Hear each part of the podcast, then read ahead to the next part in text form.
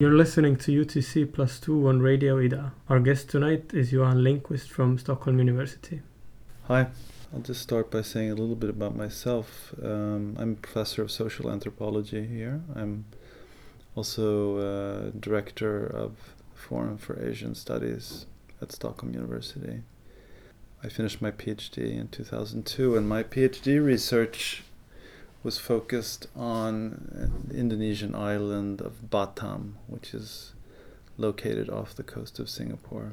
You can actually see Singapore from this island. Um, and it a kind of export processing zone where a lot of factories had been built, so there were a lot of migrants, a lot of factory workers, but also lots of prostitution and, and, and, and drug use. So I conceptualized this uh, in terms of the shadows of globalization and focused on the experiences of migrants in these kinds of export processing zones. Migrants who lived in uh, squatter areas or but also had hopes and dreams of succeeding and, and returning home. After that research project, I started on another project which was about labor recruitment of, migrants who were sent from Indonesia to the Middle East and other parts of Asia, in particular um, domestic workers who worked in people's homes in countries like Saudi Arabia or in Singapore. But rather than focusing on the migrant, um, I became interested in the process of recruitment. So I shifted my attention from the migrants to um, the brokers, the labor recruiters. And the idea, there was a, a methodological idea here that if you want to understand how migration is organized, it's you learn more from conducting anthropological fieldwork with the recruiters than the migrants because they have a different kind of perspective on how the system works. So much of that work was centered on trying to figure out this kind of middle space of migration. So in anthropology, a lot of work has been done on the experience of migrants. Uh, I was more interested in understanding how migrants were moved from one place to another, a kind of infrastructure of migration or migration infrastructure, as I term it. Um, so I've been working. I still work on that issue um, because it's it's it's an important issue and uh, one that I'm I'm fascinated by. But a couple of years ago, around the time that uh, Donald Trump was uh, um, running for president and then became president of the United States, I ran into a couple of stories. Uh, one was that Donald Trump had had purchased followers on Twitter. And then I began to look around and I realized there was a, a kind of discussion about what was termed click farms. And these were people, places um, that sold followers, likes, comments on um, social media platforms like, like Twitter in particular.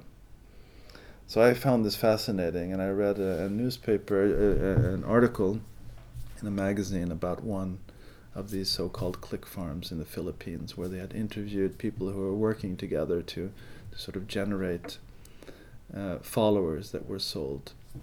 And when I started looking into this, uh, I realized that a lot of this discussion was centered on uh, north south divides. Uh, you had a lot of digital competence in the global south in cities like Manila, Jakarta, Dhaka, uh, Delhi, um, uh, but limited work opportunities. So this was sort of uh, a money making opportunity for people at digital competence because there was increasingly a market uh, for purchasing followers as these kinds of value this this way of valuing social media was becoming increasingly important and it was often discussed also in terms of digital sweatshops that there was a kind of new kind of exploitative labor that was developing. So one thing that I could say that's that that was so this this this drew my attention because I've always been interested in shady businesses, and uh, I've I've done work on prostitution, on on drug use, on also labor recruitment. All of these people who are involved in these are are often understood in moral terms a priori, but when you do ethnographic fieldwork and you get to know these people who work as sex workers, as drug dealers, you you realize that a lot of the, or as labor recruiters, they're often not um, amoral people, um, it, but it's much more complicated. So I figured um, because that, that one could do the same thing with click farms, that in fact the best way to study them from an anthropological perspective would be actually to try and get in touch with them and meet them and see who these people are so that's what I did. And I started in Indonesia because that's the field, the place that I know. But Indonesia is also interesting for other reasons. It has uh, among the largest number of Facebook users in the world. Uh, Jakarta, the capital of Indonesia, which has 30 million people, uh, was named has been named the Twitter capital of the world before, and now it's the Instagram stories capital of the world. So if you want to find people who sell followers on Twitter, you you don't have to look very far. Uh, because and, and they're not difficult to find because they want to be contacted and they want to sell. Now, if they want to be interviewed by an anthropologist, that's that was still an open question. But what I did then was to through Instagram, I, I searched the hashtag in, in Indonesian jual follower, which means sell followers and identified about 130 different sellers and contacted them. And about 30 of them agreed to meet with me, actually. What I did then was, and I wanted to meet them in person to, to sit down and talk to them. Uh, because a lot of the so called digital ethnography or digital anthropology or, or the sort of academic research that's being done on, on these issues is, is mainly online. But very few people have sort of, uh, scholars have talked to these people what happened then is that I uh, these people are often located in big cities like Jakarta or other other cities uh, where there are universities and where there are, are young people who are interested in in uh, digital issues. So I um, traveled around and I, I interviewed these people, and it turns out that most of them are around 20 years old, are young men and identify themselves as autodidact, that they've learned how to make money, how to sell followers uh, on their own, uh, th- usually through YouTube tutorials, using Google Translate and internet forums. And um, so I found this really interesting. Um, this form of, one could term it YouTube pedagogy, YouTube learning. Uh, which is of course common for for youth these days.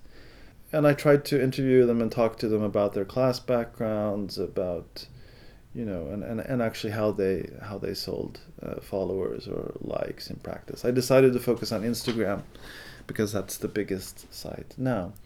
So one thing that I found then is that many of them, you know, came from pretty stable lower middle class backgrounds, Many of them had started out playing get with gaming, World of Warcraft, and had started to sell levels on, on World of Warcraft. And sort of through play, basically, stumbled upon uh, social media through Twitter first, and it all started around 2011, 2012.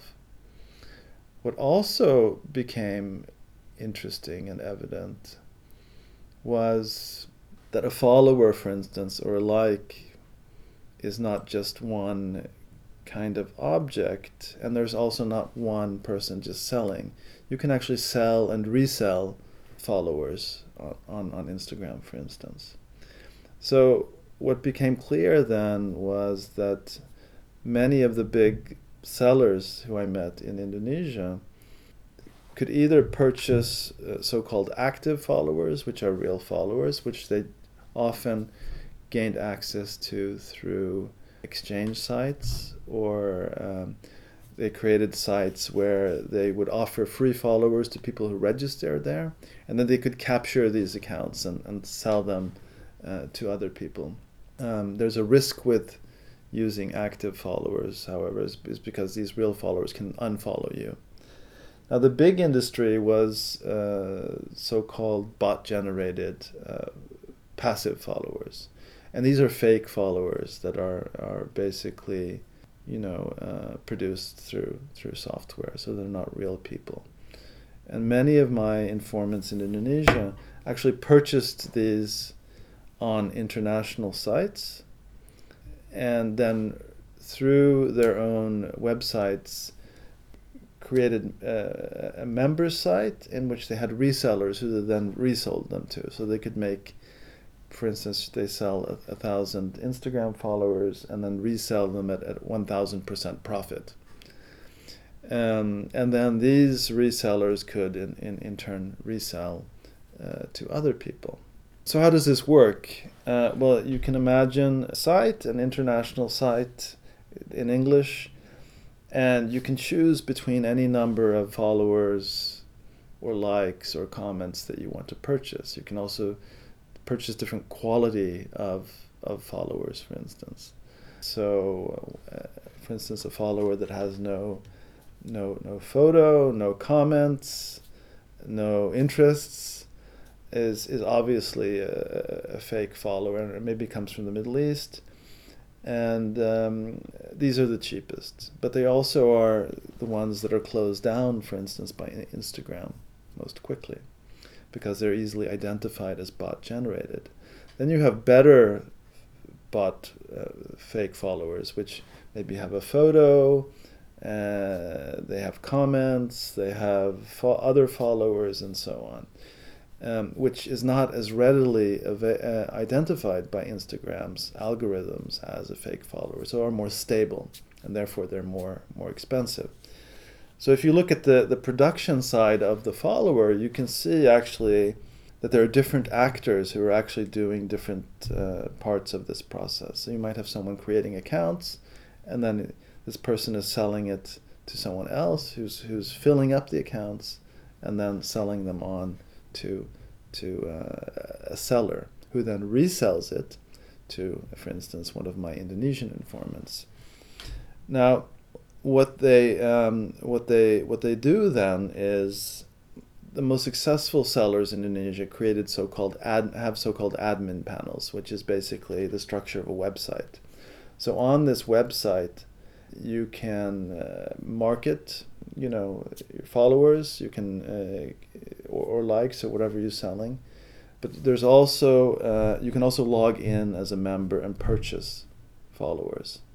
So they try and create get uh, as many members or resellers as possible so that they then can profit more on this kind of uh, arbitrage or, or brokerage that they're engaged in. Now, ideally, the international site that they are purchasing from has a so called open API, which is um, um, basically allows the Indonesian website to connect to to the international website. So this is also how how Instagram or Facebook works. They uh, there are lots of apps that are created for Instagram or Facebook, but in order to be uh, recognized, in order to to gain access to Instagram's platform, you need permission from from Instagram to use their API. So what they're doing then, and this is the illicit side of things, is they're actually creating a kind of seamless operation, automation. So what's happening then is that you have the resellers in Indonesia buying from the seller in Indonesia who has a seamless connection to this international site. So the resell there's there's no there's there's limited manual work actually going on, unless Instagram has a, a security update in which the whole system breaks down, and you have to create an algorithm that that, that matches this. So basically, this whole system is is incredibly complex, and the people who are engaged in it don't really know each other. So uh, you know, many of them will work alone. Uh, they only know each other through the net. And then you have groups of people who are working together in what might be called a click farm. Um, so, for instance, one of my informants, they have four or five people working in a room. The most significant form of labor they're engaged in is actually customer service with their resellers. So, you can actually get into this business without knowing a lot about programming. Uh, it helps, of course, particularly if you're going to connect up to the international websites, but the knowledge can be pretty basic actually. So actually, marketing is is is really critical, uh, and having having good customer service so that you can have a large number of resellers that, that can that can help you out. Now, if you think about this, then there's some there's some key sellers in Indonesia, and then a lot of small resellers. And most of these people who are reselling are probably in high school. They don't even need their own website. All they need is is a cell phone, basically, to, to do this. Because what they're doing then, when they're purchasing um, from from the seller, all they need is the user idea for, for the Instagram account, and then they purchase from the seller and place um, the, those followers into whoever is purchasing it. These followers or likes or comments or what have you. So, um, and we have even have evidence of people in, you know, junior high school and, and so on um, doing this. What's interesting too is when I spend time with these these sellers and resellers, then you see also who, who are the buyers, right? Which is the other side of this this operation. So a lot of people, a lot of the people who are buying are unsurprisingly politicians on different kinds of levels, and that's actually where a lot of the big money is made in Indonesia. And then uh, you also have people who are so-called buzzers, as they're called in Indonesia, which are influencers. So if you have a lot of followers, um, people will contact you, and you can make money on you know for mar- par- product placement, for instance. But then you also have you know government agencies, or you have a local police officer on Twitter, and you have people who just want to be popular who are buying buying followers.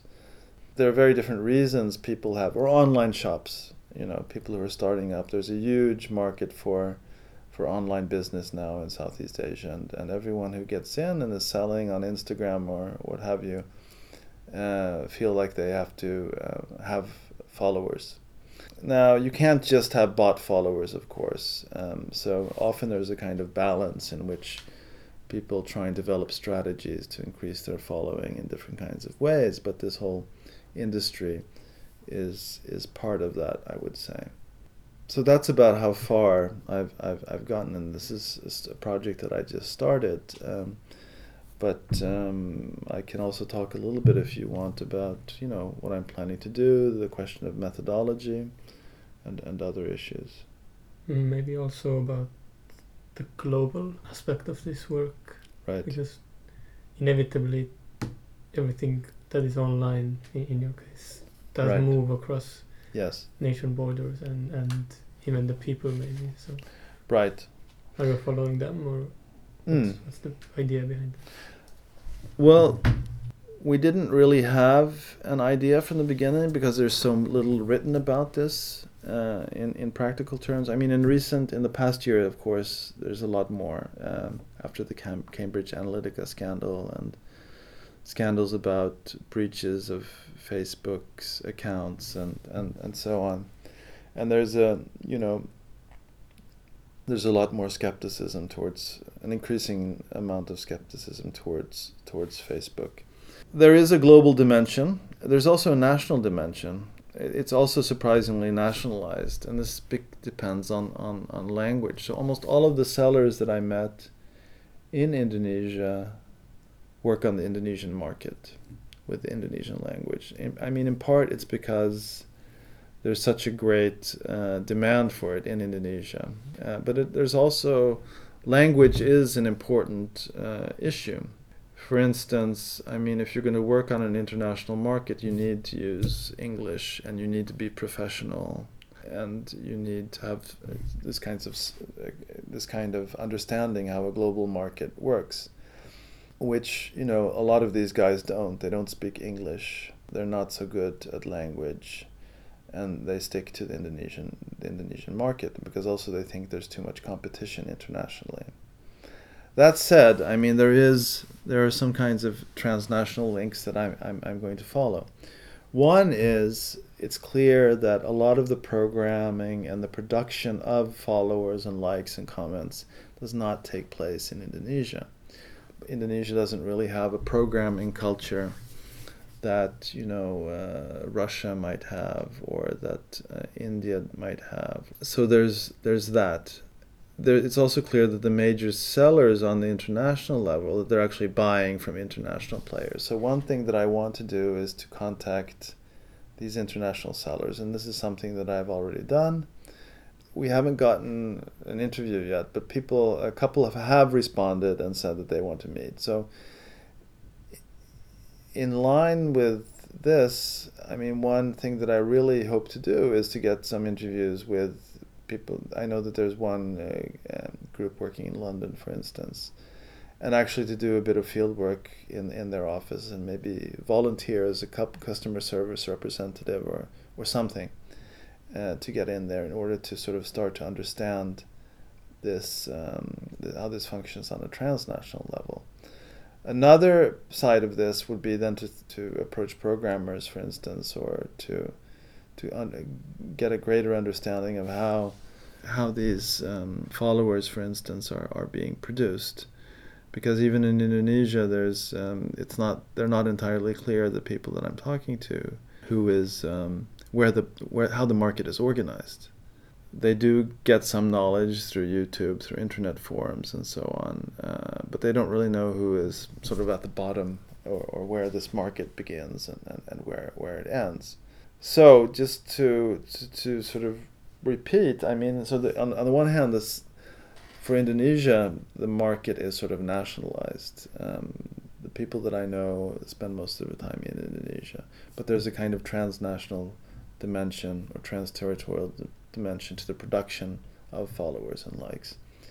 Now, it would be interesting also to compare with the Philippines or um, uh, India, for instance, where there's a much stronger uh, English speaking competence. If you look at, for instance, um, there's been anthropological work on call centers, for instance, which are um, you know these outsourced um, companies outsource their customer service to to other countries. One reason why India and Philippines are are successful in that market is because um, they have high English language competence because they were um, you know colonized by English speaking countries in part. Question is if perhaps in the Philippines or or in um, in India we have these kinds of international players uh, that know how language uh, works in a different way than, than the Indonesians. I think I've already gotten a lot from the Indonesian side, and I can already start write, writing stuff about this, about labor and who they are and how they work and so on. But I don't think we'll be able to get a sort of complete understanding of how the international market works. One person that I'm working with on this project is Patrick Vonderau, who is a professor of media studies at Halle in Germany. He has uh, done research on, on YouTube and, and together with a group just finished a book on Spotify.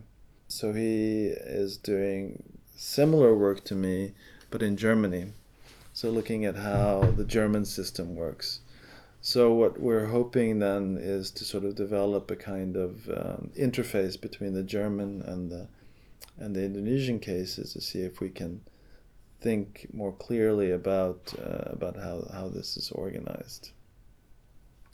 Now another thing I could say is about methodology. I mean, how do we study this? It's it's a very complex object, uh, and this is something that I'm still thinking quite a bit about. I mean, there are different kinds of strategies one could develop. One that I, what I want to continue to do is really to just to spend time with these people and to sort of sit with them as they work and to understand what they actually do in their daily life and, and also to to think about how uh, you know look at the screens that they're working on and to see how how they can uh, you know how they connect to people and and how they purchase and how they, uh, you know, what kinds of programming skills and so on. So that's one thing that I, I can do. But if you're studying this kind of thing, there's also the matter of, of certain kinds of competences. I don't have any programming skills. So, to what degree uh, does one have to know programming to understand how this how this works? Um, there's also the question of experimenting on with actual social media itself which is another methodology that uh, people are thinking about. For instance, we were thinking that we might try to sell followers ourselves uh, as a way of trying to learn how, how this works.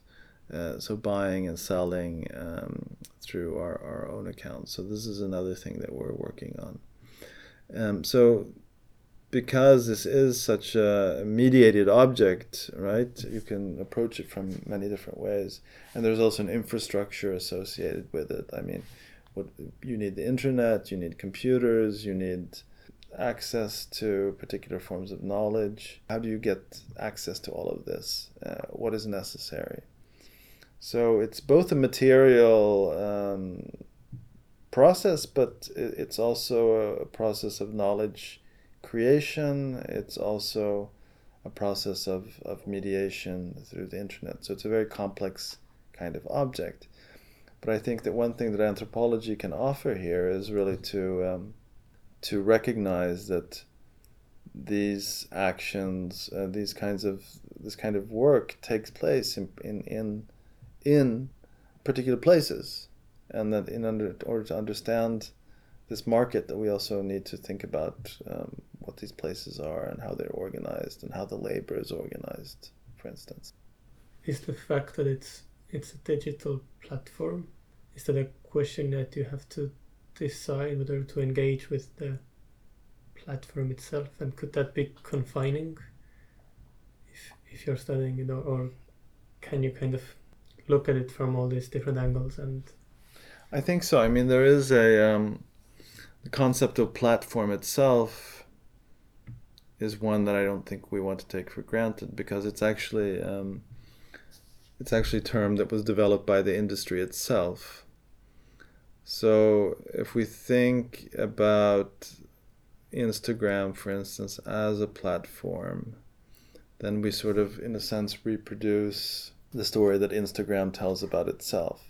So alongside, one could think about perhaps this is a kind of anthropology um, at the intersection between uh, social media platforms or Instagram and other kinds of worlds and and also people uh, it's it's a it's a study of the platform at the margins because a lot of people are are hacking and and engaged in sort of illicit actions with regard to, to Instagram that um, that are not really part of the platform itself. So I don't really want to reify the platform as, as a concept, but um, uh, one might have to develop a kind of concept for for for um, thinking about what kind of object of study is this, which is not entirely clear actually.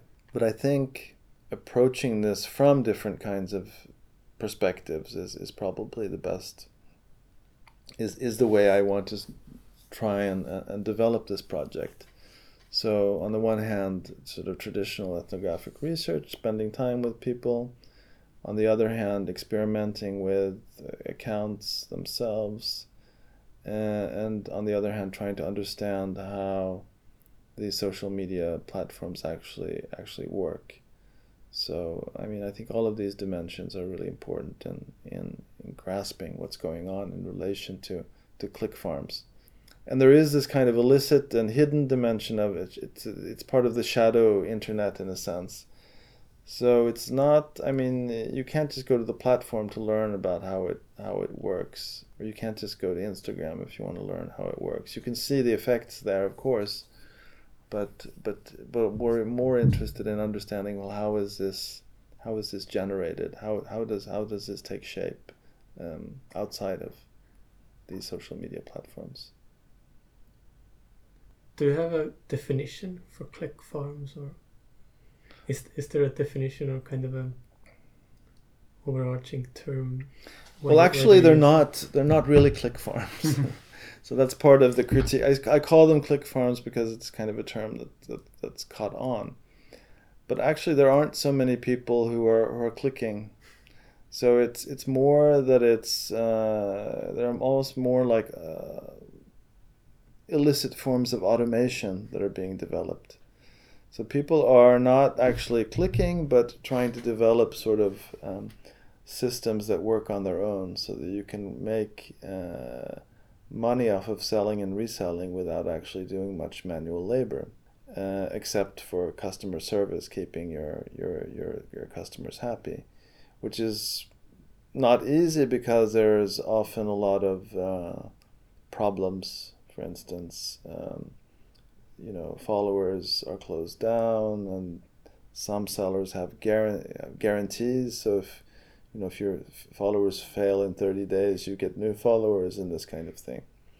So click is the wrong term. It's more uh, the desire to create kind of automated systems that i think uh, is the interesting um, perspective here uh, click farm sounds good but it's that's part of the critique is that they aren't actually click farms to define it um, is is I think a complicated Ill- illicit forms of um, automation, maybe, um, be one way of thinking about it.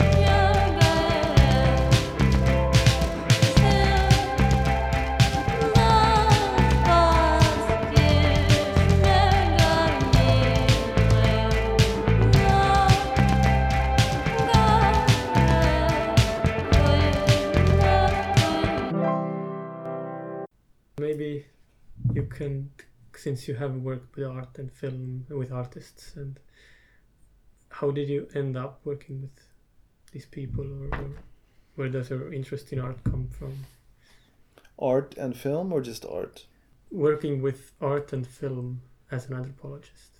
Okay, because there are two separate projects here. On the mm. one hand, I when I did my PhD research in Indonesia and Batam, in this export processing zone, I thought that would be interesting to make an ethnographic or documentary film about this island because it was so visual, uh, visually striking in so many different ways. For instance, from this island, you saw the skyline of Singapore uh, from from Batam, while you sat on what people called stress beach.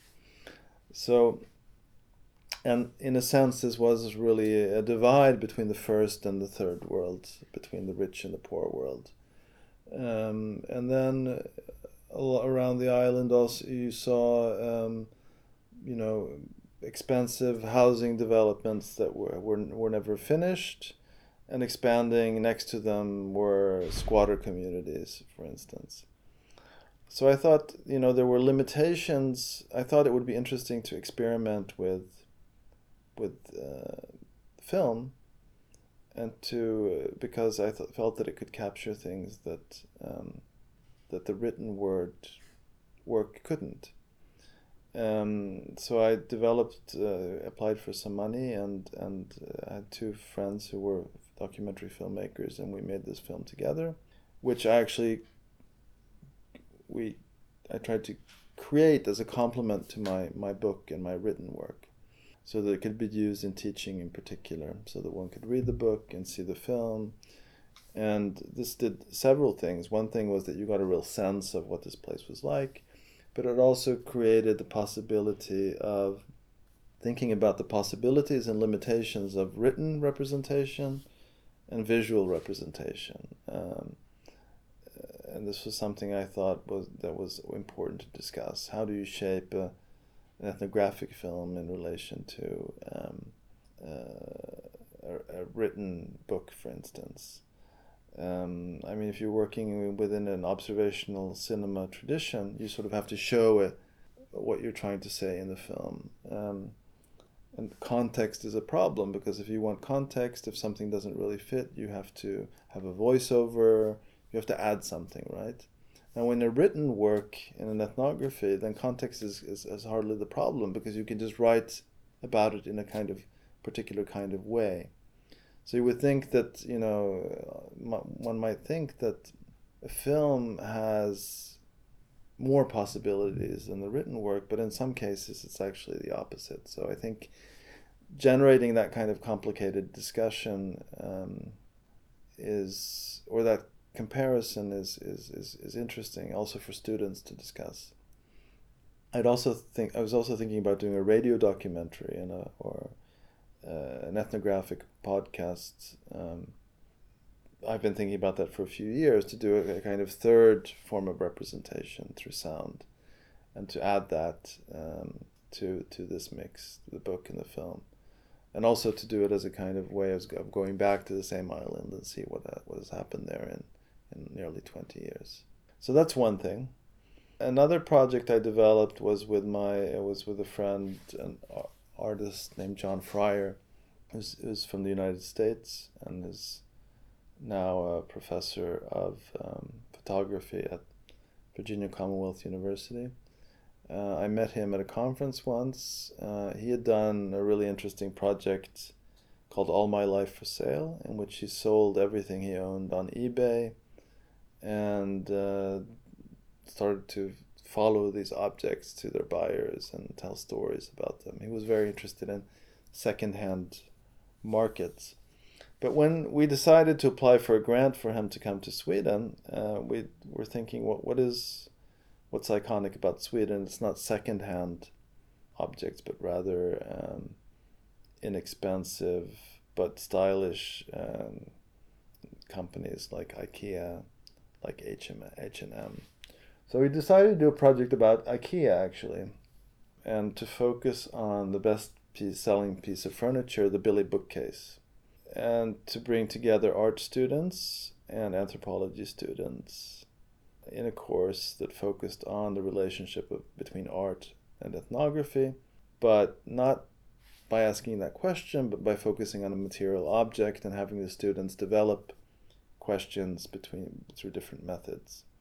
So we had um, about 20 students, and we worked with a design studio in Stockholm called Uglycute, and we were allowed to use their space also. And we had students each bring in a Billy book, buy a Billy bookcase for the first day of class, which was reasonable because a, a Billy bookcase costs about as much as, as, as a book, so it made sense to put it on, on the syllabus. But also to feel how heavy it is and how how inexpensive it is at the same time to think about that relationship. So we started by doing field work at IKEA in Kungens Kurva, um, and then we had the students go out into people's homes and to interview them about their bookshelves. Bookshelves are actually very interesting cultural objects because, for instance, if they're in living rooms, they're at a sort of public private interface. On your bookshelf, you want to show who you are in a sense. Um, you want to show who you're reading, who you've read. You can put objects, important objects, on the bookshelves.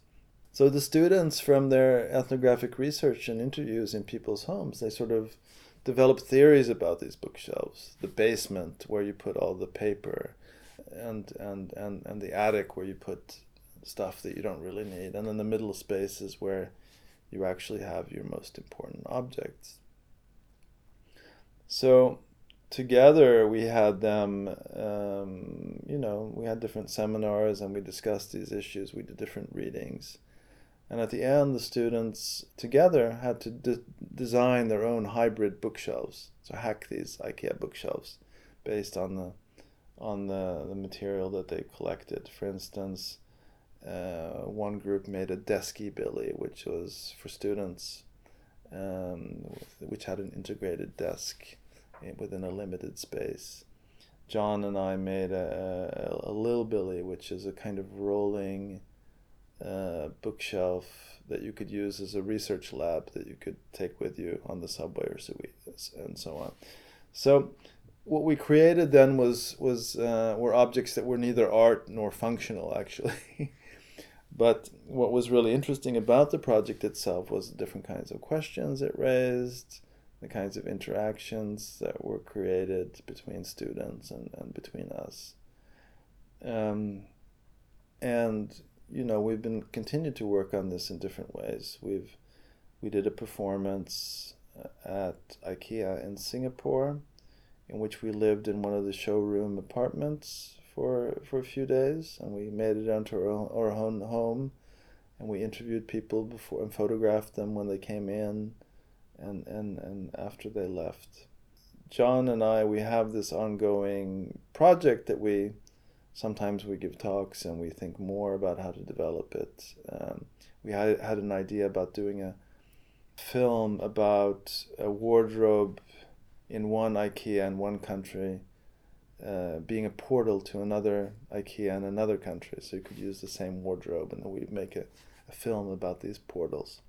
So as you can tell, this is not uh, strictly anthropology, right? And it's nor is it really art, but I think what it is really is an attempt to create conversations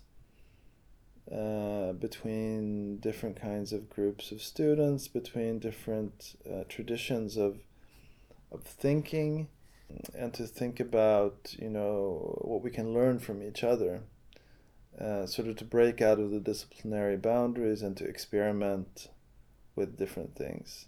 I think as an anthropologist, I learn a lot by working with conceptual artists because they ask completely different questions and I'm not sure how how this is played back into my other research but I mean it, it's it's interesting and it's fun and it and it leads me to ask new kinds of questions. So I think, and for students also, I think it's good.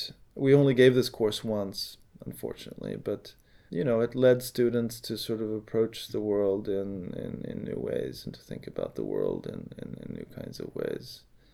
And I think that's that can be really helpful rather than just taking your political science class or anthropology class or, or what have you, um, is to just try something different sometimes.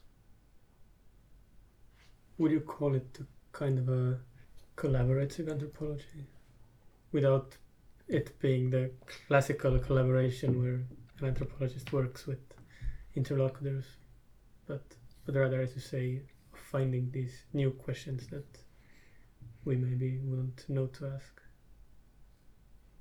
You know, I'm not sure really what it is. Um, I mean, certainly collabor- collaboration.